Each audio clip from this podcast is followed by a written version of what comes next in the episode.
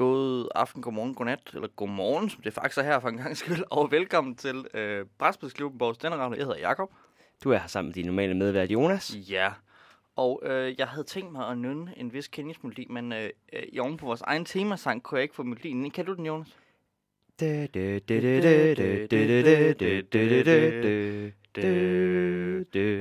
Ja, jeg tror, jeg tror, de har regnet den ud. øh, det er bedre til, end til at nynne Star Wars Marsen. Det bliver en fryd, vi skal, Mars. det bliver en fryd, det er Øh, december, jamen, vi jeg, jeg må jo Star. Wars. Nå, øh, ja, som øh, du nok ved, ja, ud fra øh, vores forsøg på en anden melodi, så, eller har læst, så er det øh, Game of Thrones slash A Song of Ice and Fire tema i dag. Øh, vi gør det øh, spændende, jeg ved ikke, det er spændende, øh, at vi, øh, vi tager et øh, lille survey, et, tager også et overblik over, hvad øh, er af alt øh, Game of Thrones relateret spil på markedet.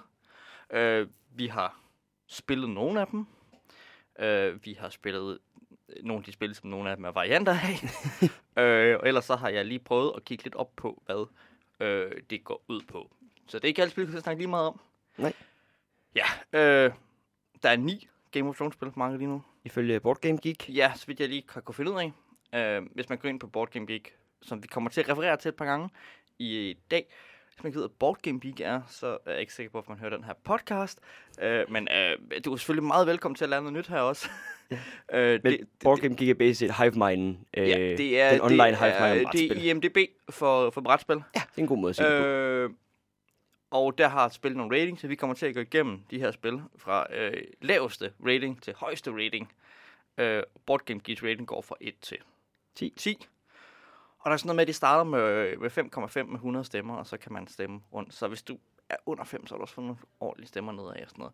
Ja, er der andet? Jo, inden vi går rigtig i gang. Øh, det her er jo genoptagelsen af øh, en podcast. Øh, hvis du ikke følger os på Facebook, øh, så må du godt følge os på Facebook. Der sker nogle gange, at vi skriver noget derinde.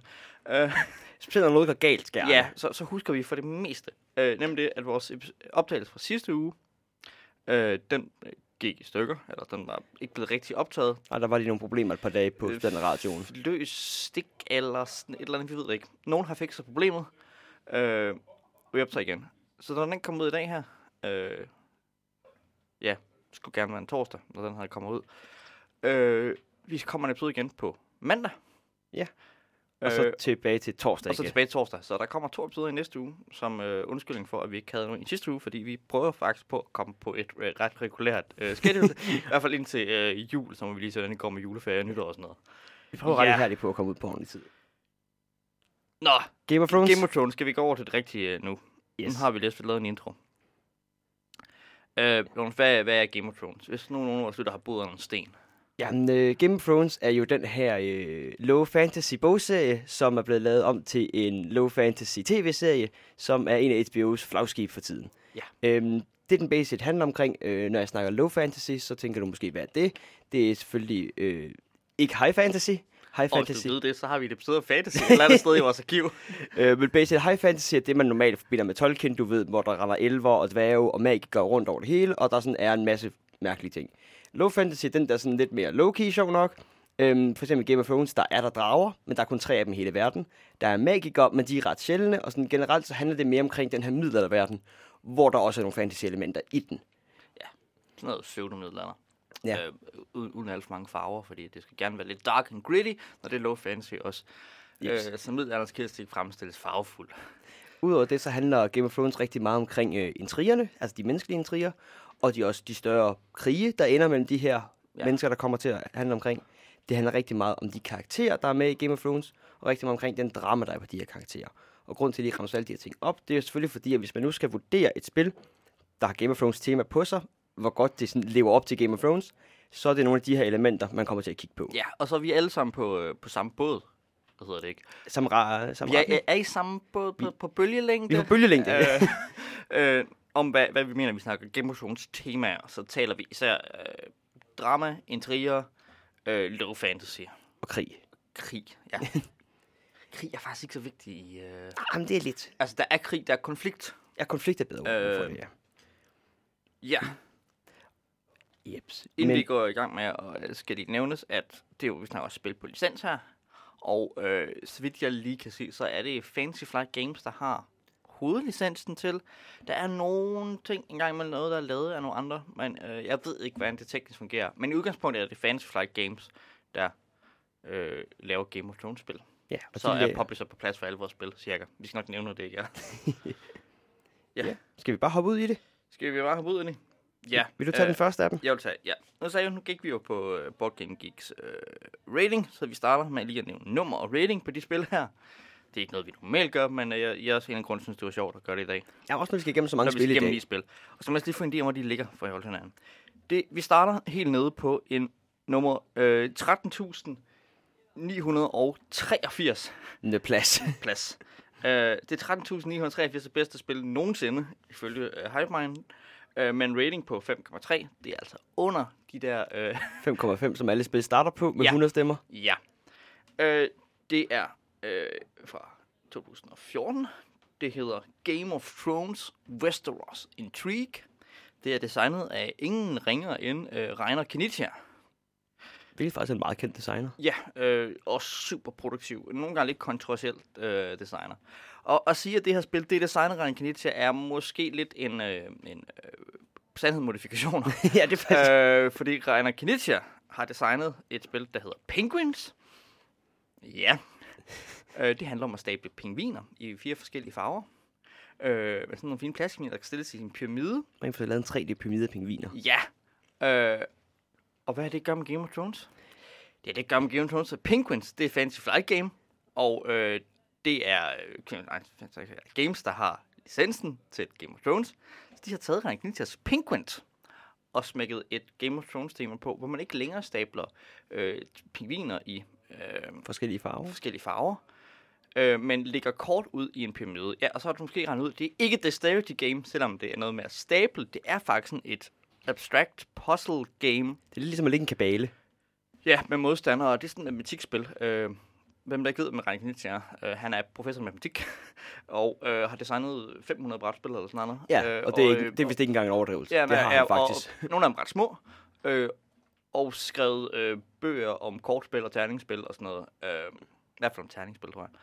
Ja, Og den måde, du så egentlig stabler de her kort på i Game of Thrones, det er så med, at der ligesom skal være nogle, de har fire forskellige farver, og du kan kun skabe farver oven på hinanden, der har farver nedenunder sig. Det vil sige, at du kan have en rød og en sort til at lægge i bunden, så kan du lægge en rød eller en sort ovenpå. Men du kan ikke lægge den tredje farve ovenpå, fordi den bliver ikke understøttet af nogle af de farver ja. nedenunder.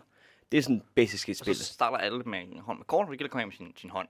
Ja. Øh, på en eller anden måde. Og det, vi, vi har kun lige prøvet, ja, ja, ja, ja, vi har prøvet det, jeg ejer det, jeg købte det for 20 kroner.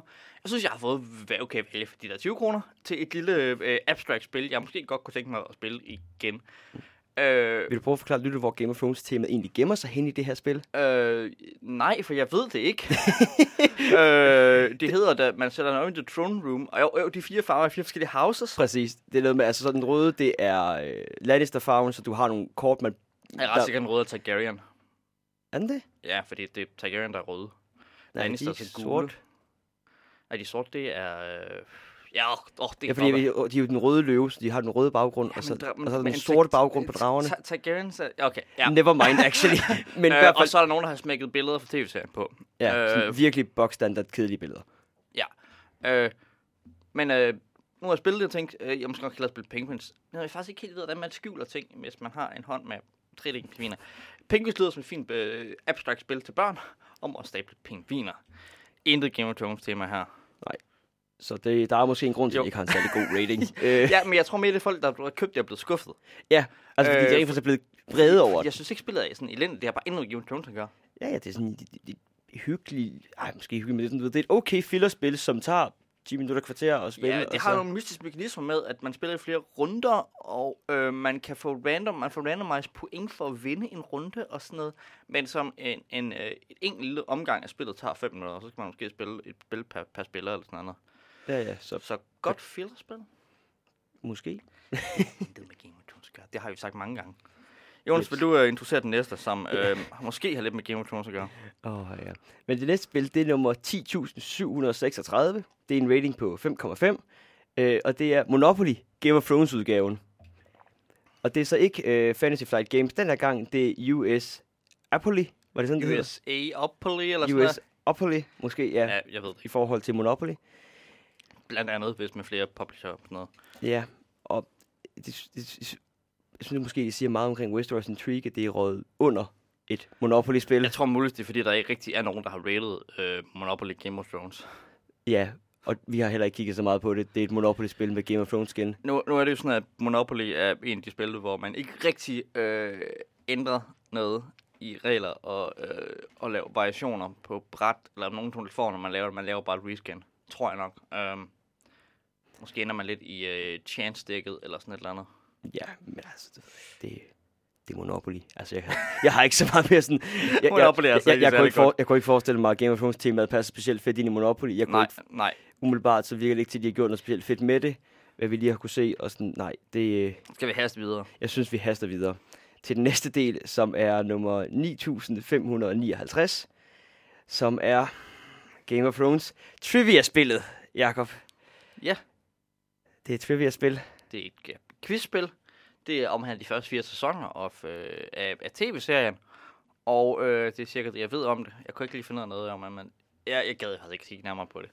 Det, det er quizspil. Det findes. Ja, og øh, hvis du er til quizspil og synes Game of Thrones er fedt, så kunne det godt være, det var sjovt, og dig og dine venner, I kan sidde og nørde det.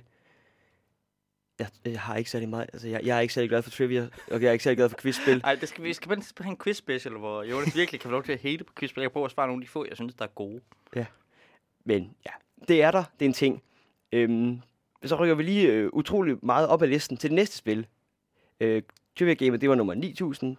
Øh, Risk Game of Thrones er nummer 2726, med en rating på 5,8.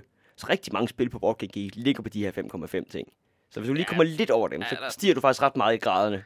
Ja, øhm, det er fra 2015. Vi fik lige nævnt, at øh, det er Monopoly også, og øh, Game of Thrones The Trivia Games 2016. Der er lidt tema, når de her måske ikke helt så gode Game of Thrones-spil er kommet. De er kommet lige til tv-serien har været ny super populær. Ja, måske ikke ny, men i hvert fald tv-serien har været super jo, populær. jo, ny, fordi det tager lige lidt tid at få et brætspil ud, for det skal også lige printes, så nogen, der har set sæson 1 eller 2 af den her tv-serie, øh, 3-4 på skriver, og så, øh, yes, vi skal have lavet igen, øh, USA Opoly, det er en variation af Risk. Jeg tror, alle er bekendt med Risk. Øhm, Men den her gang skulle de rent faktisk have gjort noget ret fedt med det. det er jo det, altså, altså de tematiske variationer af Risk øh, kan godt være okay. Jeg har i sin tid været bræk glad for at spille, øh, hvad hedder det, Ringenes Herre. Ringens Herre-risk, øh, fordi det løser lidt noget, altså der kommer et nyt bræt, og Risk er et okay spil, som blandt andet så trykket ned af, at det spilles på det samme bræt, der ikke er særlig godt balanced, altså det samme ja, map, øh, Ja, ja, altså, det spilles på verdenskortet. Og spilplade, øh, som ikke sådan er spil interessant. Så hvis du lige får lov til at spille Risk på en ny spilplade, øh, eller to, som der faktisk er to varianter her. Der er en speciel to-player spilplade til Essos, og en Nå, ja, det er rigtigt, ja. 3 til 5, tror jeg det var, til Westeros, så kan du slå dem sammen og spille syv spillere på hele øh, mappet og sådan noget. Øh, og altså, area control, øh, krigsspil, fungerer ret godt til Game of Thrones temaet. Det er ret oplagt at lave et map af Westeros, sætte fem spillere til at spille hver sin fraktion, og så lave det som et Game of Thrones. Du mangler lidt noget af intrigerne måske, men altså... Og karaktererne måske man, også man, lidt. Man, man kan godt backstab risk øh, og have alliancer. Så altså som et simpelt øh, måde at repræsentere noget i Game of Thrones temaet, fungerer det fint nok. Esseros mappet er sådan noget med Daenerys mod alle de, mod alle de andre, og øh, som ikke rigtig tager højde for The Free Cities på vestkysten af Esseros, eller det giver så meget tematisk mening. Men også fordi det faktisk giver mening at have fem fraktioner. Det er jo Wars of Five Kings. Øh, Der er sådan, at normalt den store, man tager fat i. Ja, øh, selvom der aldrig har været fem konger i øh, Westeros, sådan der pendant, du fortæller dig. Øh, Åh, oh, er det rigtigt, ja. I hvert fald ikke i War of Five Kings, fordi den øh, Renly døde inden at... Spoilers. Øh, kan, Det kan, ikke, det kan ikke være en må man, spoiler må man ikke længere. også spoil de første Jo, det kan ikke være en spoiler sæsoner, af, inden at... Hvad hedder han? Belon kroner sig selv. En Great Judge Corner sig selv, jeps. Øhm, men ja, nej, det er ikke et spil, vi igen har spillet. Øh, men umiddelbart, vi kunne læse omkring det, så virker det jo til, at de har lavet lidt specielt med det. Øhm, og igen, risk-temaet, eller risk som sådan grundspil, er egentlig ikke så langt væk fra at være et okay spil. Så hvis man nu laver lige de her få modifikationer til det, og putter et godt skin på det, øh, så kunne det sikkert godt være ret interessant. Der er også lige nogle special rules med, at man, kan, man, man har nogle forskellige character powers, i hvert fald en fraktion, man spiller og sådan noget. Og der er borge, man skal indtage, øh, og havne med og sådan noget, som kan give guld som en karakter sin character power. Og det er lige risk plus lidt. Øh, ja, Og så kan Rigskin blive ganske udmærket spil. ja jeg vil sige, det er der, hvis, øh, hvis nogen kommer og spurgte mig, vil du øh, spille Game of Thrones øh, risk? Så er det godt at sige, ja, det kan vi da godt prøve. Så er det måske ikke sige nej lige med det samme, Nej. selvom det er risk, de foreslår, Nej, nej, spille. altså... Øh, også hvis du har et eller andet øh, risk øh, udgave liggende, kan du godt spørge mig, så vil det godt være med.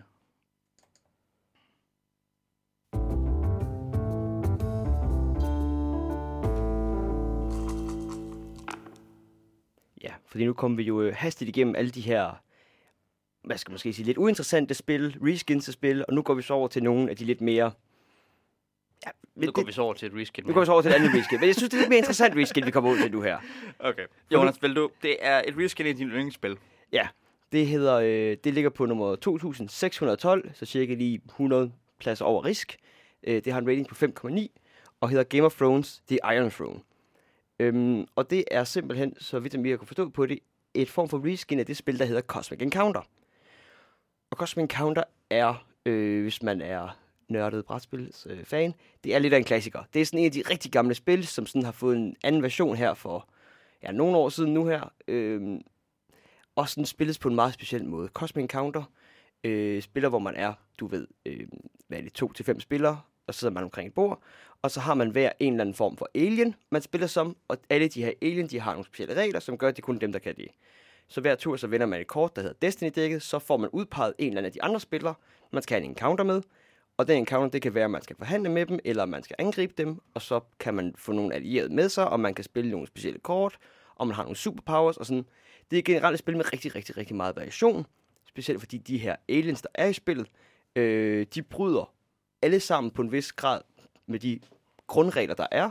Nogle af dem bryder rigtig meget med det, og der er 50 aliens bare i grundsættet. Så det er virkelig meget, at man kan få sat forskellige sådan, setups op. Det, de så har gjort her, det er så, at de har taget det her lille idé omkring med, okay, jamen, så spiller man som en af de her huse, og så kan man få en af de karakterer for husene, der giver dig en speciel power, og så har du stadigvæk, i sted- i stedet for rumskibe, som du sender om til en anden planet, så sender du kroner hen til et andet område, og ligesom, igen, ikke nødvendigvis har en konflikt, men har en encounter med den anden spiller. Øhm, Ja, fordi øh, hvad det er i Cosmic Encounter, der kan det også ende med... Øh, du, kan godt, du kan godt få en del sejr i Cosmic Encounter, fordi du må forhandle dig til, at okay, nu kolosserer vi begge og to også, hinandens også når man har en encounter, kan man blive enige om, at det her det er en forhandling, hvor vi begge to får øh, en koloni, som hedder Cosmic Encounter, på hinanden. Øh, den kan man så også bryde, den, man kan, man, fordi man lægger face down eller sådan en combat kort, og så Ja. begge to vil... Så vi kan godt aftale, at vi forhandler, men så vinder, vinder vi begge to et angrebskort. Og så, så øh, der har vi den anden del af det store øh, Game of Thrones, øh, spillet om tronen, ikke? Altså det er øh, knap så meget fokus på det militære magt som i risk, men, men meget mere på intrigerne og på dramaet og på forhandlingerne og på backstabbingen. Jeps. Øhm, det der så måske er, hvad vi har kunne forstå på altså Game of Thrones version af Cosmic Encounter, øh, The Iron Throne, er, at det måske er en lidt mere forsimplet version af Cosmic Encounter, at fordi Cosmic Encounter har meget stor varians med de her skide aliens, og det kan sådan gå meget, meget vildt for sig i en eller anden forstand. Hvorimod Game of Thrones, der er måske lige sådan, okay, man lige tager det sådan lidt tilbage, det er lidt mere sådan, begynder brætven, brætspilsvenligt, vil jeg måske sige. Der er også det med, at øh, man spiller hver sit hus, og hver sit hus har fem karakterer. Så man kan ikke spille to fra det samme hus med de to powers. Og øh, når man selv må vælge lidt, hvad for en power man vil have fra huset af, som der står i det, man læser beskrivelsen af spillet, har en idé om, ja, det der, derfor vi tænker, at øh, det virker til at være mere... Øh, Begynder venligt. Ja, og, og mere balance, fordi at øh, det, der virkelig er kendt ved Cosmic det er, at øh, balance, det er noget, I må finde ud af, hvordan I håndterer. øh, fordi I kan jo, I, hvis I, jamen, den der er power, den er totalt overpowered, ja, det er den, så må I jo lade være med at samarbejde med den spiller. Øh, og det er faktisk noget, det er jo det, jeg rigtig godt kan lide ved Cosmic Encounter. Det er, at det er et spil, der er der får lov til at være fuldstændig crazy. Det er ikke et spil, der stræber efter den her balance med, at alting skal være lige. Det er bare, at jamen, hvis jeg er fem spillere, jamen, så må I jo fire spillere komme mod en. Så må den spille jo sådan superpower med, at han kan lave sin planet om til et våben, han kan skyde sted med. Øhm, den må I jo så bare sige alle sammen, nej, nu går vi mod dig. Ja. Men hvis der så ikke er lige så crazy powers i The Iron Throne, så kan det godt være, at Cosmic Encounter lidt mister sin noget af, appeal, eller noget af sin appeal til det i hvert det har i fald. hvert fald slet ikke heller ikke fået øh, nær så gode ratings med Cosmic Encounter, som jo øh, ifølge øh, nettet er det 89. bedste spil nogensinde. Så det er cirka lige et par 2.500 pladser under det. øh, nu er det også et relativt nyt spil, det her. Så det har måske ikke fået så mange. Det kom ud sidste år eller sådan noget. Ja, og igen, Cosmic Encounter er også sådan, sådan det er også det, man lidt anser Den- for sådan en... den- Altså ikke, ikke engang moderne klassiker, faktisk bare en klassiker, Cosmic ja, Encounter. Cosmic Encounter er faktisk gammel. Ja, men det var, også, det var sådan noget med, hvad det første for Cosmic Encounter, det havde kun fem alien-racer. Og så var det sådan lidt, så fandt... Ja, det er en længere historie. Jeg vil godt snakke meget langt om Cosmic Encounter. Det tager vi på et andet tidspunkt, men... Ja. Specielt anden version, hvor de lavede 50 aliens, og bare sådan lidt, go nuts. Det, øh, Der er også lige, faktisk der er et rigtig ganske glimrende interview med en af, af der skal en af designer af Cosmic Encounter på den podcast, der hedder Ludology. Ja, det tror jeg faktisk, jeg har hørt. Ja, det har du noget af det eneste Ludology, du gider at høre. øh, Ludology er en podcast, der er endnu mere nørdet end os, øh, som handler rigtigt. om, øh, det om, om, om spildesign, altså ikke spilanalyse, som, eller kritik, som vi laver, men om, hvordan man designer spil, og hvad er forskellige spilmekanismer og sådan noget. Ja. Øhm, hvad er der andet at sige om... Der er noget, der hedder Allies, men det er vist noget, der tilsvarer flares i Cosmic Encounter, Ja, og som er sådan nogle special ting, der kan komme i dit dæk. Og... altså Cosmic Encounter er så også det- en af de typer spil, hvor jeg kan forklare dig grundspillet, og så kan jeg sige, så tager vi lidt flere regler. Ja. Og så næste gang, så tager vi lidt flere regler. Ja. Og næste gang, så tager vi lidt nyere aliens, så de spil, man sådan kan Ja. ja. rampe meget op til. Men øh, hvis nogen kommer og spørger dig, om, vil du spille Game of Thrones, The Iron Throne? Det du vil jeg sige ja til. Ja, du vil i hvert fald give det en chance. Jeg vil give det en chance. Jeg vil gerne lige sådan, du er jo også glad for uh, Cosmic Encounter, så det, øh, det lidt sjovt at se, hvordan de egentlig har formået at bruge det her Game Ja. of Thrones spins. Så hvis nogen havde liggende, så, øh, så er vi også villige til at spille Game of Thrones, de øh, The Iron Throne. Iron Throne. Nå, skal vi gå videre til et spil, vi faktisk har spillet? Ja. Ja, og vi er nået til øh, dernede omkring, hvor øh, det faktisk er et øh, spil, der ikke er et reskin, variant, øh, eller bare et Dårligt. quiz, eller bare et quizspil. Altså, øh, quizspil var faktisk et originalspil, ikke? Men det er et quizspil, så øh, Ja, Trivia Pursuit, ja.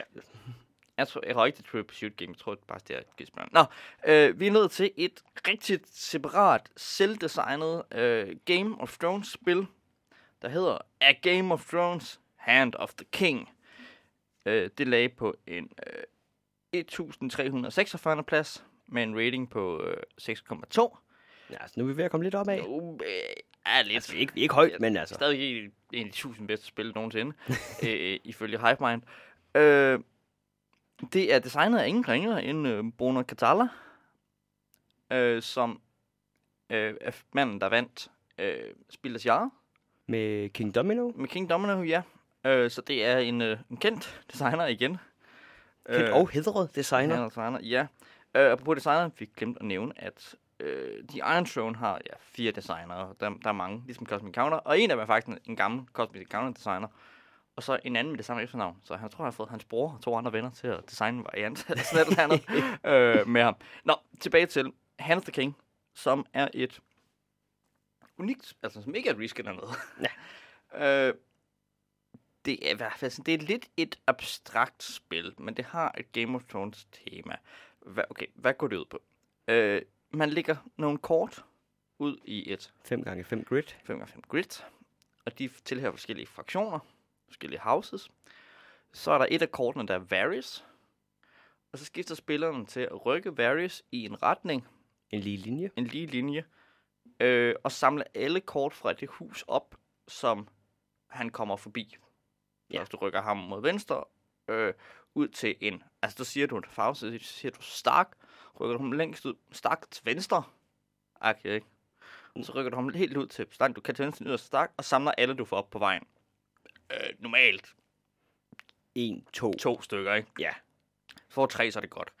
Og så skifter man til det. Så gælder det om at vinde de forskellige huses influence, så man kan blive valgt til Hand of the King. Af en eller anden grund, så er der er lige lidt fuzzy med, hvor og hvordan det her foregår, fordi de forskellige characters er fra bøgerne, men ikke alle nødvendigvis live samtidig egentlig. Og hvem er for en konge er det egentlig? Nå, ja, det, mind. det, det, er sådan lidt. Øh, lige hvordan anderledes, men det er i hvert fald, du skal have hus og, og, støtte. hvorfor, og hvorfor hjælper Varys der? Og det er Og, sådan, og hvem er du?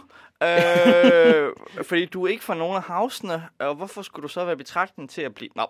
Øh, men ellers så... øh, ja, du skal have de forskellige houses støtte. Øh, Den med flest stemmer fra de forskellige houses bliver Hand of the King i slutningen af spillet. Øh, Og jeg-. Ja, du prøver at få Varys lokke Varys til at hjælpe dig med at få de andre støtte, fordi han er Master of uh, Whispers, eller sådan, eller hvad det er, han er. Øh, sådan, ja. Så man skal samle flest inden for husene. Den, der tager det sidste kort fra et hus, får lov til at aktivere en special character. Øh, En hjælper. en hjælper, øh, som øh, gør noget, og det er, øh, de kan gøre nogle det er forskellige ting, og de interagerer nogle gange med specifikke kort også. Mm. Øh, og det, her, her er temaet faktisk ret godt. Altså, det giver mening, hvad de gør. Øh, Khal Drogo, han øh, slår øh, Viserys i, Ihjel. ihjel, Og tager og, Daenerys. og tager Daenerys. Uanset hvor Daenerys er, hvis en anden spiller sammen med Daenerys op, så tager han ham bare. Øh, Jakardi, et eller andet, hvad han hedder. Øh, Ham der, ja, The Faceless Man, øh, han øh, slår en øh, karakter ihjel, som en anden spiller har. Han slår en karakter, der ligger ude, stadigvæk ligger ude på brættet. Og han slår en anden hjælper ihjel. Og Hodor tager Bran. Ja. Uanset hvor Bran er, så kommer han tilbage. Øh, og der er nogle andre ting, og der er noget med, at øh, der er en eller anden af hjælperne, der tager nogle af Stark-pigerne. Er det Brienne eller sådan noget? Ja, det er Brenna Tarth. Ja, hun tager Ja. ja. vist øh, begge Øh, Stark-pigerne eller sådan Jamen, noget. her, der- giver det mening. Altså, som et relativt stærkt spil, så er temaet faktisk ret godt. Altså, alle hjælperne giver mening for at løfte nogle karakterer, de interagerer med. Øh, det er også det her med, at husene har forskellige antal medlemmer. Det må også passe noget med, for nogle hus, der er store. Altså, Stark har rigtig mange folk, fordi der er rigtig mange Starks. Der er kun to Tullys, eller Ja, sådan noget kun andet. Det, det vil sige, hvis du får, altså, den første Tolly, øhm, og det, det skal du ikke nævne det her, fordi at, øh, det er også lidt vigtigt, at okay, det der med at få support til huset, det er, hvis du står lige, så er det den, der sidst stod, nej, prøver lige at sige igen.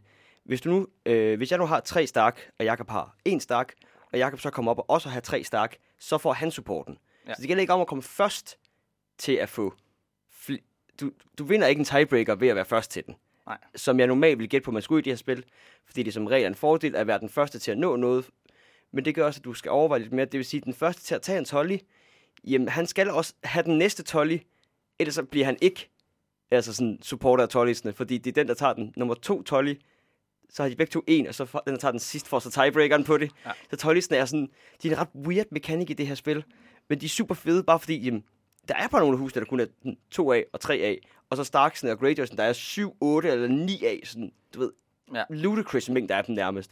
Så man skal også lidt prøve at overveje omkring, jamen er det værd for mig at tage tre Greyjoys, eller vil jeg hellere have to Tyrells, som er lidt færre af, og hvordan sådan...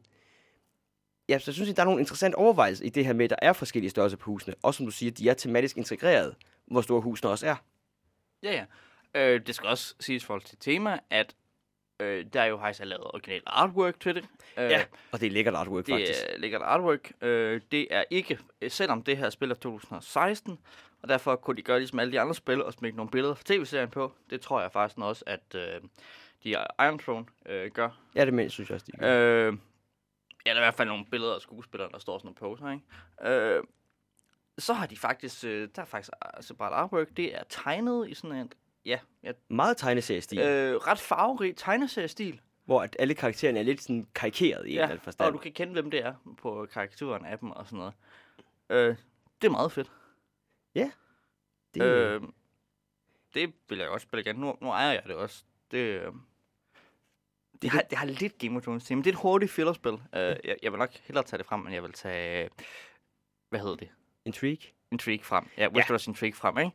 Øh, altså, det, der, der er en grund til, at det ligger noget højere op på listen end op til fire spillere. Øh, ja, Og igen, som du siger, for et abstrakt spil at være, så er det faktisk sådan rigtig godt integreret med temaet. Har du mere at sige til det? Nej. Nej. Så øh, tror jeg, vi går videre. Fordi nu kommer vi øh, rimelig højt op på listen. Øh, nu skal vi snakke om det 520. bedste spil. Battle of Westeros. Jakob, vil du, øh, vil du tage den? Eller skal jeg? Jeg øh? skal lige have en rating på 7,4. 7,4, Det er jeg i ja. gang med. Det er fra 2010. Det er øh, det eneste spil, indtil, vi har nævnt her indtil videre, der har æren af at øh, være udkommet før øh, tv-serien. Nå, ja, det er rigtigt. Øh, det er også det eneste spil på den her liste, der ikke hedder noget med Game of Thrones. Øh, ja. Der er, er nogle andre, der også udkommer før tv-serien, men øh, så er de opkaldt efter den første bog. Mm. Øh, men øh, du kan finde det, hvis du går ind under Ice and Fire temaet. Battle of Westeros, øh, ja, designet af to folk, jeg ikke aner, hvad, hvad, hvem er. Øh, men det er et krigsspil, og hvis nogen kan huske, da jeg havde Henrik inden første gang og snakke om øh, krigsspil, og sådan overordnet, så er det et krigsspil i den type, der hedder et Command and Color-spil. Øh, det er endda også en undertype af Command and Colors, der hedder Battlelore. det er Battlelore-systemet, som er et undersystem af Command and Colors.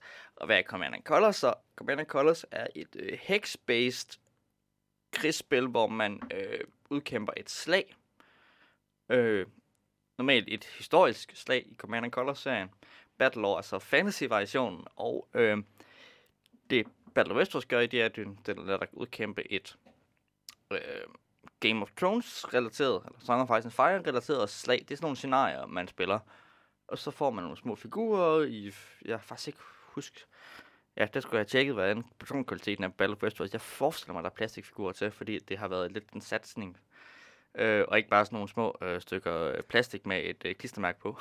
Nå, ja, nej, nej. Øh, ja. øh, som det er, hvis du spiller Command Colors Ancients, øh, eller nogle af de andre Napoli Wars og sådan noget. Ja, ej, jeg, jeg, jeg tror altså, Battle of Westeros har plastikfigurer. Ja. Det, er øh, og den kendte Command Colors spil, øh, du måske ikke ved Command Colors, det er Memory 44, som er, er, handler om en verdenskrig. Har fine små plastikfigurer, man rykker rundt. Det er sådan noget med, og ja, det er et hex-based krigsspil. Øh, man har tre lanes. Man har Tre midten- zoner. tre zoner, og man skal spille et kort for sit hånd til at gøre et eller andet. Og så er det sådan med de der kort siger, hvad for nogle zoner, du må give ordre i. Så man skal vist give en lille ordre øh, ved at rykke nogle få folk frem, øh, eller angribe nogle af dem, og så øh, slår man nogle terninger for at skyde på hinanden. For eksempel, at du, du sidder basically altså, som den store commander bag ved det hele, og giver ordre til soldater, men du kan kun kommunikere med enten højre flanke, eller venstre flanke, eller midterflanken, og så kan du kun give sådan få ordre i gang til dem. Øh, hvilket gør en lidt interessant spilmekanisme, hvor du godt kan få din, bruge en del af din kort for din hånd til at rykke den venstre flanke fremad, og så sidder du pludselig uden nogen mulighed for at kommunikere med dem, og så står de der bare. Så kan du ikke bruge dem til noget, selvom du bruger meget tid for dem fremad. Så det er sådan lidt måde, hvor man sådan prøver langsomt at trække alle sine tropper fremad, og sådan simulere lidt den her idé omkring, det godt kan være svært at kommunikere til dine tropper, og du ikke bare kan få dem til at gøre altid, hvad du vil have dem til at gøre. Og de handlede virkelig ikke bare i hvert fald. Nej, det gør de. øh, ja, det er Battle of Westeros. Vi har ikke spillet det. Vi har spillet lidt Command Colors spil. Ja. Jeg er ikke helt glad for Command Colors. Jeg har øh, sagt til Henrik, at han må prøve en gang til og overbevise mig om, at det er faktisk er et godt system, fordi han kan godt lide det. Øh, jeg synes, at det der med, at du både har kort, du trækker op, som du skal vælge, og der er nogle terninger, du slår som... Øh, det er altså meget variabelt, hvor meget de der terningslag gør. Fordi hvis du har fire indgreb med 50% chance, så at modstanderen har fire liv. Så kan du så gøre ingen skade, eller du kan slå ham ihjel. Øh, øh, der, ja, der, der er lidt for meget tilfældigt, lidt for meget held til. Jeg synes, jeg kan lide en ordentlig strategi i Command and Colors øh. Men øh, Henrik, han påstår, at øh, man, man lærer at leve med, at øh, tilfældighederne lægger sine strategier ud fra dem. Okay. altså, jeg, vil sige, jeg har jeg ikke spillet det super meget, men jeg har spillet lidt øh, med mig for det for, synes egentlig, det var et ganske interessant sådan, intro til Ja. krigsspil, og det er også generelt det, man plejer at sige, det er. Øhm, Ja, det, det er et meget light krigsspil, Command and Colors Ja. serien det hele taget. Ja. Øh, jeg kunne godt, øh, jeg kunne godt overtale til at prøve det igen. Ja, Rimmer, ja. Du kan også godt overtale til, at hvis nogen havde Battle of Westeros stående og spurgt, skal vi uh, spille uh, et, uh, hvad hedder det, The Battle of the Whispering Woods, eller uh, hvad de hedder, de berømte slag. Og Et Battle of Blackwater er det berømte, men det er jeg ikke sikker på med, fordi det er, øh, det, det, det er en belejring. ja, hvad den hedder, øh, den var med tårne, der ringer. Øh, Ja, der må være nogen, fra, som ikke er fra tv-serien, men fra øh, forhistorien i det. Aberrath, hvad hedder han, øh, Robert, øh, sådan helt stort slag. Ja, det er Bells, eller Battle of the, Battle of the Bells. Battle of the Bells, Ja, ja, det, sådan, det store det der Battle of the Trinity, hvor øh, øh, Robert øh, knuste øh, Rhaegars hoved med sin krigshammer hmm. ude i floden. Hvis nogensinde har set Arthur, så er det fantastisk. øh, det, det, det er det klassiske. Det går ud fra. Sådan nogle ting er med nok. Jeps.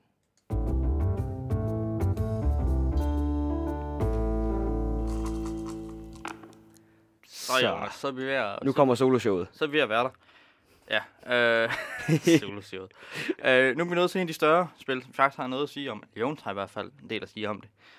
Øh, skal jeg introducere det, så kan du uh, take it away. du ikke interessere dig, så vil jeg... Øh, Jo, det er, vi nu er jeg oppe på nummer 254 i second edition. First edition ligger lidt længere nede. Uh, af Game of Thrones The Card Game. Uh, som et eller andet sted er third edition, fordi at første, det kom engang som et collectible card game. Så kom det som et living card game, og nu er det et living card game i anden udgave fra, hvad er det, 2016, 15? Jeg tror, 2015. Ja, af Nate France og Erik M. Lang. Øh, Erik Lang har jeg hørt om før. Han er relativt kendt designer. Øhm, Ja.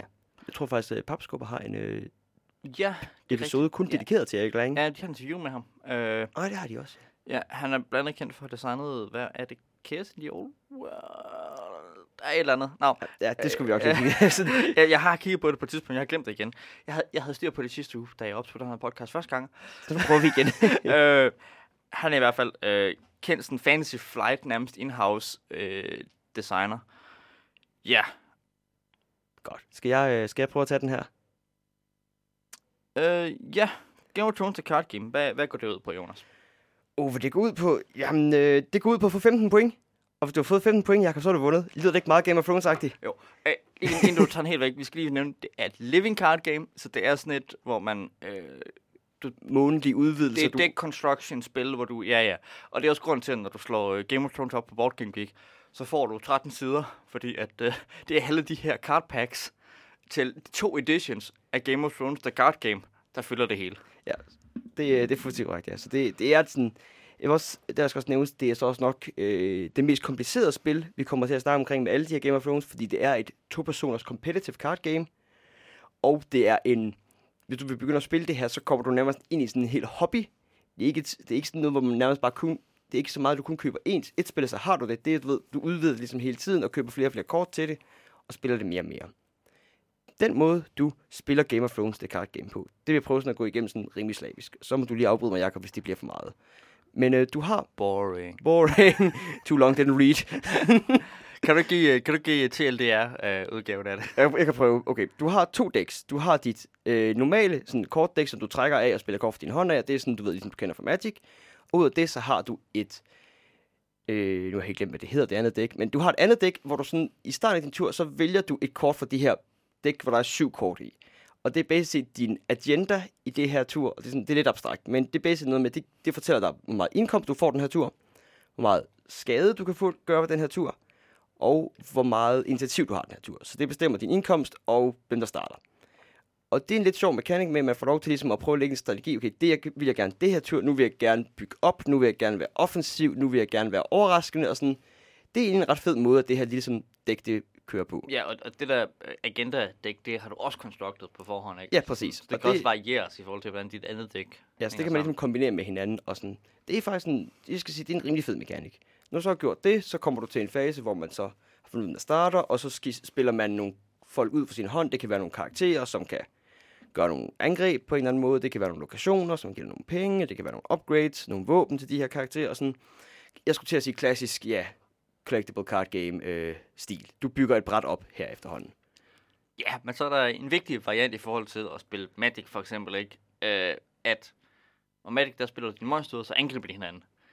Det gør de også lidt i Game of Thrones, men de angriber på tre fronter. Jeps, fordi øh, der har de nemlig lidt forstået ideen omkring Game of Thrones med, at når du så spiller kort ud, så går man til battlefasen, og så kan man angribe på tre fronter, som Jakob siger. Man kan angribe militær, man kan angribe med intrigue, og man kan angribe med power. Hvad er power? Øh, power er, du ved, det er det, det, det, kongerne i det her spil på en eller anden måde. Kan. Det er sådan en, jeg forestiller mig, at det er en magtdemonstration i en eller anden forstand, man dyster i. Mere at jeg, jeg, har, altså, jeg har så mange undersøgelser, jeg har så meget support i en eller anden forstand. Øhm, og det, du ved, det er ved- ved at få 15 power, at du vinder spillet. Ja. Så det, jeg, jeg forestiller mig, at det er en magtdemonstration, men uden at være... Ja, det er lidt abstrakt, hvad det egentlig er. Men det er som regel sådan noget, du ved, som ja de... for, for, for, heller ikke penge, fordi du har income, som er separat. Men du ved, power er noget, som... Det er som regel de, de lords og ladies, altså de vigtige personer, dem, dem der er noget, så de kan ba- deltage. Du, du battler på prestige? Ja, i en eller anden. Det er dem, der er noget, der kan noget. Ja, Ja. Der er sådan, autoritet er måske en god måde sådan, at gøre det på. Det er dem, der kan battle i poweren. Og så kort som for eksempel Jamie Lannister, han kan ikke rigtig, han kan ikke battle i intrigue. Han er til gengæld rigtig god til at battle i military dyster. Og Cersei Lannister er selvfølgelig sådan modsatte. Hun er rigtig god på intrigue, men kan egentlig ikke møde op på slagmarken og slås sådan fysisk. Og faktisk så burde Cersei ikke være god til intrigue. Mm, nej. Nej, eller, eller er hun? Øh, det, det, det, er jo lidt... Øh, nu, nu har der sket Går, noget går det ikke sådan lidt frem og tilbage i serien, hvor god hun er at, til det? At hun jo faktisk har lavet nogle gode intriger til sidst, og øh, øh, faktisk ikke er så dum, som øh, Som hun så ud til at være. Og efter du så har kørt de her kampe, så er det ligesom, hvem der har flest folk stående bagefter, får et point. Og så trækker man nogle kort op, vælger en øh, ny øh, agenda, og så kører man sådan lidt videre på det her spil. Øhm, det skal også nævnes, at øh, setupet i spillet er også lidt fedt, fordi der trækker man en hånd, og så må man ligesom bruge, jeg tror det er syv guld fra den med det samme, så man starter med faktisk at have et board state. Du ved, så du er ikke bare sådan, okay, jeg tror, jeg tror, en låter hånd, og nu er jeg bare konstant tæsket. Jeg får lige en mulighed for at bygge op til at starte med. Øhm, og det er som du spiller spillet, og generelt så er det et rimelig interessant spil, som jeg egentlig godt kan lide. Og nu vil jeg så begynde at hamre ned på, hvorfor jeg synes, der er så mange problemer med det her spil. Uh, ja, øh, kan du gøre det kort og præcist den her gang, i stedet for at kredse om det tre gange, som du gjorde i den anden podcast? Jeg prøver. Optagelse. Fordi, så vil jeg prøve at gøre det her kort og præcis. Og det handler basisk omkring, hvordan du køber dig ind i det her spil. Fordi du køber et kortsæt, altså et startersæt, hvor der er 234 kort i. Ud af de 234 kort, der er 211 kortene unikke kort. Det vil sige altså one-offs. Det giver god mening, fordi du får lov til at spille som syv forskellige factions. Øh, de seks sådan, store huse og Night's Watch. Øh, men det betyder så, at øh, og det skal sige, du skal så lave et dæk med 60 kort i. Og du må godt kombinere to factions, så der er lidt en mulighed for at... Ja, men okay, jeg prøver lige at sige det igen her.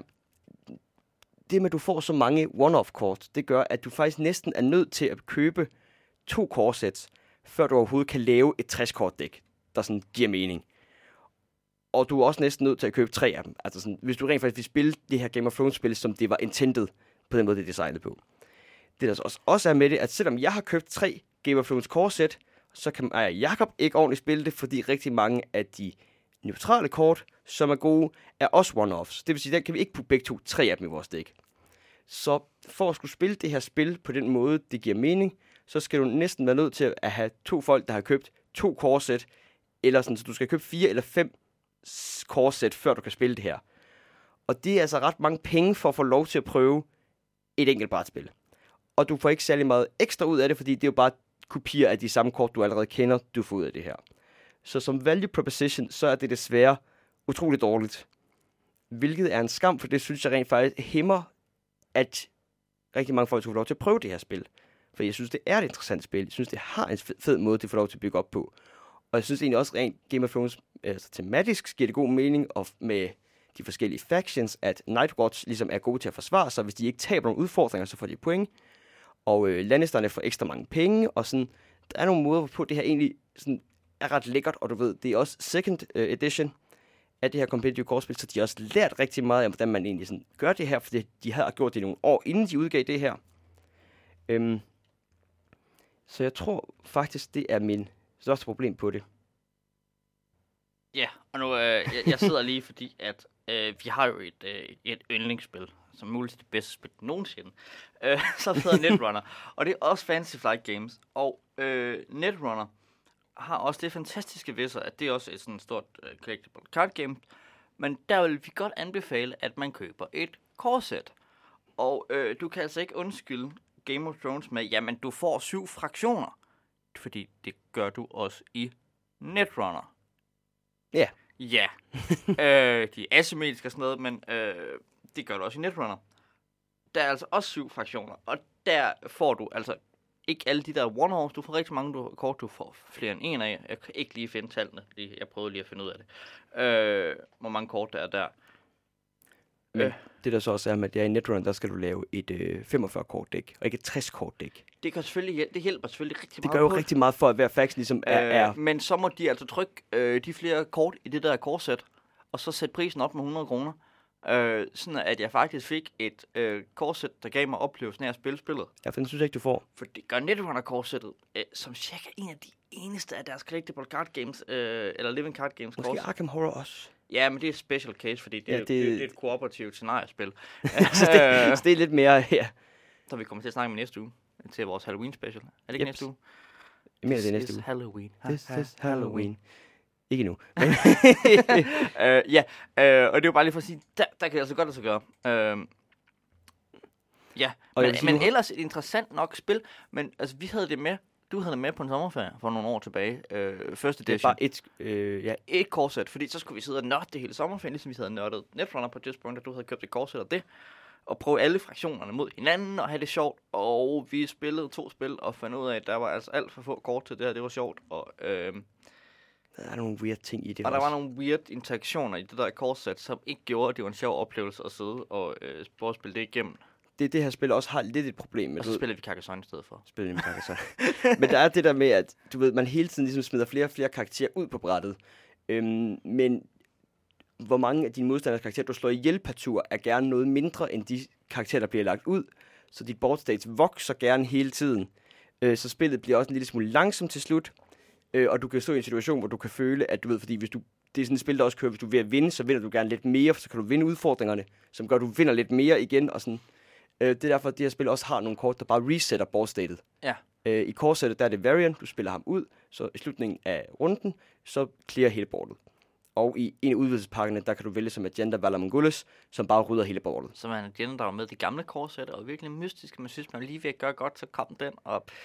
Ja, yeah. øh, og ellers så synes jeg, at ideen om, at bordet langsomt bliver bygget mere og mere op, jo også er fedt, fordi det gør, at spillet foragter, men hvis der lidt er en snowball-effekt, så kan man ligesom sidde og tænke, at jeg tror, jeg har tabt nu. Om tre runder. Nå. Øh, Og så er, der, derfor man og, ligesom og skal har man brug for de her, for at lave de her turns, ja. Ja. Ja, Og de har et kort, der er en agenda i korset, der hedder Wildfire, som synes faktisk er en god måde at gøre det på, fordi der skal man udrydde alle karakterer, men hver spiller får lov til at beholde tre karakterer. Ja. Så derfor må man sådan, okay, der får man lidt klædet op i det igen. Du får lov til at beholde dine sådan helt store men, folk. Men, men, men et eller andet sted synes jeg også måske, det er lidt et designproblem, at man har besluttet for at spille, hvor ting vokser, man samtidig har skrevet mekanismer ind, som gør, at tingene bliver ned igen. Man har ikke bestemt sig for, hvad man vil her. Nej.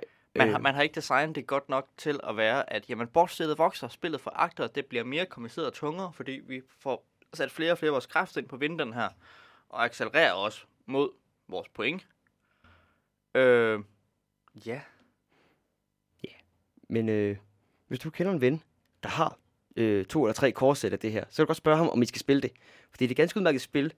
Øhm, men lad være med at købe dig selv ind på det, skulle jeg til at sige. Øh, ja, altså, og vi aner ikke om, hvordan det fungerer som øh, de store competitive, fordi det har vi ikke prøvet overhovedet. Nej. Øh, nogle folk er ret glade for det. Men jeg vil sige, du ved, nu købte jeg også, jeg købte også det andet korset, fordi jeg Ja. gerne vil have den mere oplevelse af det. Ja. Men det er også lidt en tam følelse, at okay, nu har jeg brugt 250 kroner på at få alle de samme kort, som jeg har. Så det er ikke, der bliver ikke noget nyt ind i spillet af, at jeg køber et ekstra kortsæt. Andet end nu kan jeg rent faktisk bare spille spillet, som det oprindeligt var tænkt, at jeg skulle spille spillet. Ja, der var lige noget mere. Uh, jo, øh, det har også original artwork, har det ikke? Jo, det har ikke den Øh, Det er jo helt tilbage fra sådan first edition, og der er sådan... Ja, Fantasy ja. Flights gamle Fantasy Flight har haft Game of Thrones licensen beskrive, mange år. hvordan du beskriver det artwork? Ja, fordi de fik jo faktisk, de har jo haft Game of Thrones licensen før øh, det hed Game of Thrones. Altså, de har Song of Ice and Fire licensen. Præcis. Altså, de har haft den i mange år, og de har sådan også du ved, lavet originalt artwork til det.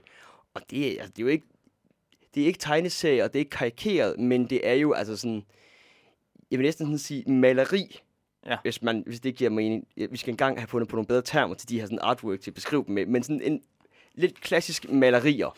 Det, det kan være, at jeg skal starte med at spørge min kæreste, som jo er kunsthistoriker. Ja, jeg tænkte, det var jo bare have sådan tre sådan ting, vi kan sige omkring artwork. Hvad, øh, nå, nå, nå, nå, hvad, hvad, hvad, for, hvad, hvad du bestemt beskrive det her som stilistisk?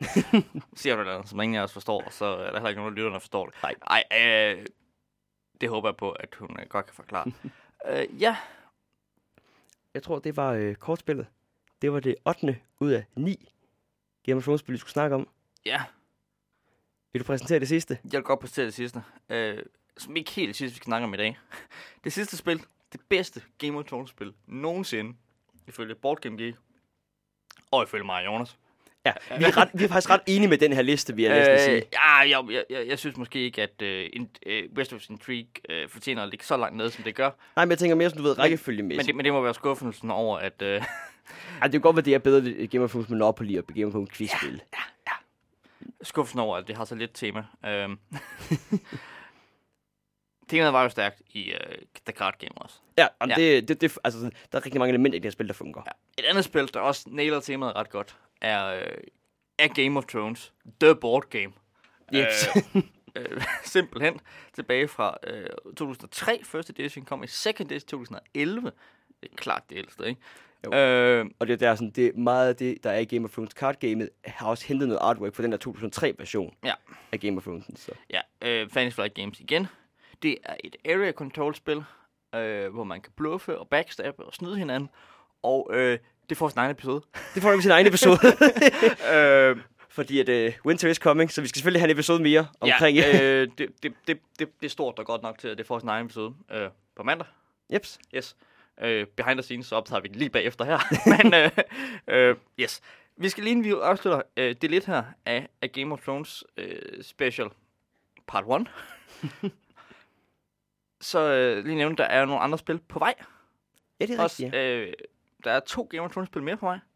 Der er jo selvfølgelig et Game of Thrones Katan Ja, tak! øh, spil på vej.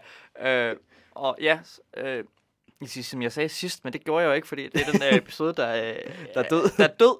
Øh, som jeg også nævnte, da vi lavede den. Øh, Katan er faktisk et af de spil, hvor mig og Jonas er meget uenige om, hvor godt spil det er. Ja. Øh, øh, Sæt, sæt, sæt dig Katan. Jonas kan meget bedre Zelda Katan, end jeg kan. Det hedder bare Katan nu dags. Hedder det bare Katan nu? Ja, dags? det er rebrandet bare til Katan. Hey. Øh, Men det er også lavet med plastikbrikker nu her. Det. Ja. Øh, øh, så meget forskel, at øh, jeg har givet Jonas mit øh, gamle øh, Catan-spil med to udvidelser i rigtige træ og alt sådan noget øh, til... Øh, har jeg givet dig det sådan helt, eller er det bare på permanent lån? Jeg føler, det er på permanent basis står hos mig. Ja, men det er i hvert fald på permanent lån. Jeg kan ikke huske, om jeg faktisk har fået det. øh, det er på permanent lån, øh, fordi jeg gider ikke spille, og Jonas kan godt lide det. øh, men, men det har de lavet en Game of Thrones udgave af. Game of Thrones øh, Catan-udgave, Hvor som du, øh, du spiller som, hvad er det, du spiller lige syd for muren. Du, ved, du spiller som de folk, der rent faktisk skal give ressourcer til Nightwatch. Ja, du, du spiller som forskellige folk inden for den night. Hvordan det lige fungerer, ved jeg ikke. Men du, øh, du bygger din Katan by op, og så ikke ved sætte sig Katan er, så, så google det. Øh, Så er du højst sandsynligt, så kender du højst sandsynligt det. Ja. ja, øh, du spiller i det, der hedder Gift, som er de der sådan 50-100 mil, hvad det er, der ligger op øh, syd for muren, som de har fået af øh, Starksne Nightwatch, for at... Og så bygger du ting op deroppe, for at forsyne yeah. Nightwatch. Øh, og der er noget med nogle wildlings, der kommer over muren. Det er ikke udkommet nu. Det kommer lige om lidt. Øh, tror jeg. Altså, det er sat til at komme i øh, fjerde kvartal i år. Så det er lige om lidt. Det er lige om lidt. Altså, det er, det er færdigdesignet, det er proofreader, det øh, er muligvis trygt og står et eller andet sted i Kina og venter på at blive shippet. Yes. Øh, eller også er de ved at trykke det et eller andet sted i Kina. Fordi at øh, man trykker bare spil i Kina, øh, cirka dem alle sammen, og så shipper man en gang på et eller andet tidspunkt, når man kan få plads på en container. Men øh, det virker til, at de har gjort lidt interessant med øh, Katan-designet. Så øh, ja, det vil Ja. jeg rigtig gerne prøve. Jakob har lidt øh, ambivalent forhold Ja, til jeg, skal, jeg vil Eller godt, ikke engang ambivalent. hvis, Jo, hvis, hvis du køber det, vil jeg godt spille det med dig. Øh, så kan vi se, om de har lykkes at forbedre nogle af core-problemerne i of Catan. Det kan være, det bliver en øh, chance til at snakke om uh, Zelda of uh, Catan, at Åh, det øh, faktisk være godt. hvis du får, præcis får købt øh, Game of Thrones udgave. Game of Thrones Catan. Det kan være, det passer med, at det øh, er noget, vi får spille en gang, når... Ah, for det er først til sommer, den sidste sæson af tv-serien kommer. Det kan være, der kommer en bog en kan gang være, i foråret, Det er rigtigt, ja. passende tidspunktsmæssigt, fordi uh, Winter Winter skulle gerne udkomme snart. Cirka omkring samtidig som det andet øh, brætspil, der er på vej. Øh, det, er, det er et Kickstarter-spil, totalt succesfuldt Kickstarter. Øh, det er ikke fra Fantasy Flight Games, men det her Erik Lang øh, med. Der må være en eller anden form for samarbejde med Fantasy Flight Games om, fordi de har Det licens. kan være, han har fået lov til at bruge deres licens, ja, og så lave det her. øh, Der var nogle andre designer også, som jeg ikke aner, hvem er. Men uh, Erik Lane, det var ham, der var også kendt for øh, øh, ko- kortspillet. Ja, ja. Han er co-designer på øh, kortspil, i hvert fald i redesignet. Øh, ja, det er et miniatyrspil. Øh, sådan et med små plastikfigurer, man skubber rundt på et bord og slår med nogle terninger. De har gjort et forsøg på at lave et relativt tilgængeligt og øh, simpelt miniatyrspil med øh, Game of Thrones tema. Det ser fint nok ud. Jeg kommer nok aldrig til at spille det, men hvis nogen har nogle Game of Thrones miniatyrer stående på et eller andet tidspunkt med et år, når de har fået dem malet, og spørger, om jeg vil spille Game of Thrones miniatyrspil med mig, så kan jeg godt være, at jeg kan finde på at sige ja. ja. øh, Men generelt så er det sådan, mange af de spil, som vi sådan ikke har prøvet her, virker egentlig ret interessante. Og var sådan lidt, "Ja, det kunne jeg da godt overtales til at prøve at spille. jeg siger ikke, at jeg vil gøre spille end en gang, men, øh, Nej, nej, men altså... ja, men det, det, øh, det er jo nogle gode... Øh, det, det er varianter på nogle okay spil. Øh, hele Ja. vejen igennem. Altså, jeg tror, sådan risk-spil sådan, gør det, indfanger det egentlig meget godt, at Risk er måske ikke et super godt designet spil, men der skal ikke så meget til, før Risk faktisk kunne blive godt. Ja. Og specielt med et godt tema, så vil Risk nok blive godt. Ja, og Game of Thrones er et fantastisk match til et area control spil. Ja. Øh, som Risk er også som The Board Game jo også er. Og jeg synes måske også, altså i forhold til Settlers of Catan, det giver måske også lidt mere mening. Så har du noget, du skal sådan supply de her ting til, og så har du nogle ekstra ting med nogle wildlings, der kommer angriber dig, så du ved, det er lidt hårdt at være settler også, og sådan, jeg synes, der er nogle fede sådan, tematiske integra- integrationer i mange af de her core Ja. øh, designs. Har vi nogle øh, afsluttende bemærkninger om øh, Game of Thrones brætspil? Altså, det, der er helt, det er helt klart noget af det bedste, at det udkom en gang for lang tid siden, øh, før tv-serien blev super populær. Og var et godt spil dengang, og fik Ja. et redesign, som ja. vist bare gjorde det bedre. Øh, kortspillet er jo også ga- Kort, kortspillet er godt. Ja, der, er, så- der er så lige øh, Bruno Catalas øh, spil der, som faktisk er ganske udmærket. Og jeg synes måske også, fortjener en høj rating, ligger Hand på. of the King. Hand of the King. Ja, som fortjener øh, Øh, øh, udmærket, øh, abs- abstrakt, øh, hurtigt øh, spil. Passer godt ind i den der filler-kategori, hvor man lige kan... Ellers, Det er mindst lige så godt som Android med mainframe. Muligvis faktisk bedre. Ikke helt så godt som Splinter, men Splinter er også lidt længere. Men øh, ellers så øh, tror jeg, vi var færdige med at snakke Game of Thrones nu her. Så øh, plejer vi at sige nogle ting i slutningen af podcasten. Jeg plejer godt gerne at snakke om gøre lidt reklame for vores studenterradio, som vi jo er en del af, som øh, laver masser masse forskellige ting. Vi er kommet op på omkring 150 medlemmer nu her. Øh, generelt næsten alle timeslots ved at fyldt ud. Der er rigtig meget live musik øh, af forskellige øh, DJ's, øh, hvis man har lyst til at høre det om dagen. Ellers så er der Åh, oh, jamen, der er mange forskellige. Øh, en af de sjovere podcasts, vi kører for tiden, det er Tøffelheltene vinder kommunalvalget. Øhm, hvor en af episoderne handler omkring, at han er blevet vold, en af dem er blevet voldtaget af Nikolaj Vammen, tror jeg, Det, det, det er. er meget sjovere, Det- når Jonas, han, når Jonas han siger det. Ja, det, det, Tror jeg, har jeg hørt. ja, øh, jeg har i hvert fald hørt, at grint utrolig meget, og er det. Øh, Jeg, jeg har ikke hørt, det var jeg også hørt Tøftelhelten. Jeg har været rigtig dårlig til at høre andre podcast her på... Øh, jamen, der er faktisk en del gode. Ja. Øhm, ellers så, øh, ja, som sagt, i starten af podcasten, så kan du følge os på Facebook. Øh, hvis du gerne vil vide, hvorfor vi engang ikke lige udkommer, som det skal gøre. Øh, vi arbejder rimelig hårdt på at prøve at udkomme hver torsdag. Ja, og nu skulle vi gerne have en plan for, at vi prøver lige at få optaget ting og lægge dem op, sådan at vi ikke sidder hver uge og tænker, nej, nej, nej. Så det ikke bliver som for to-tre uger siden, hvor at, øh, Jonas var sådan, jeg har ikke tid, Jacob. Praktiksøgning er en hård, er en hård del af mit liv. jeg, jeg, jeg er ved at få stress af det, af, hvad jeg skal lave. Jeg kan simpelthen ikke overskue optage. Nå, men okay. Ja, øh, ellers ses vi på mandag. Eller hvad det nu er, når du hører den her podcast. Hvis du hører den her, når den er udkommer, så, så ses vi på mandag til øh, Game of Thrones. Nummer to. The Board Game. Bam, bam, bam. Bam.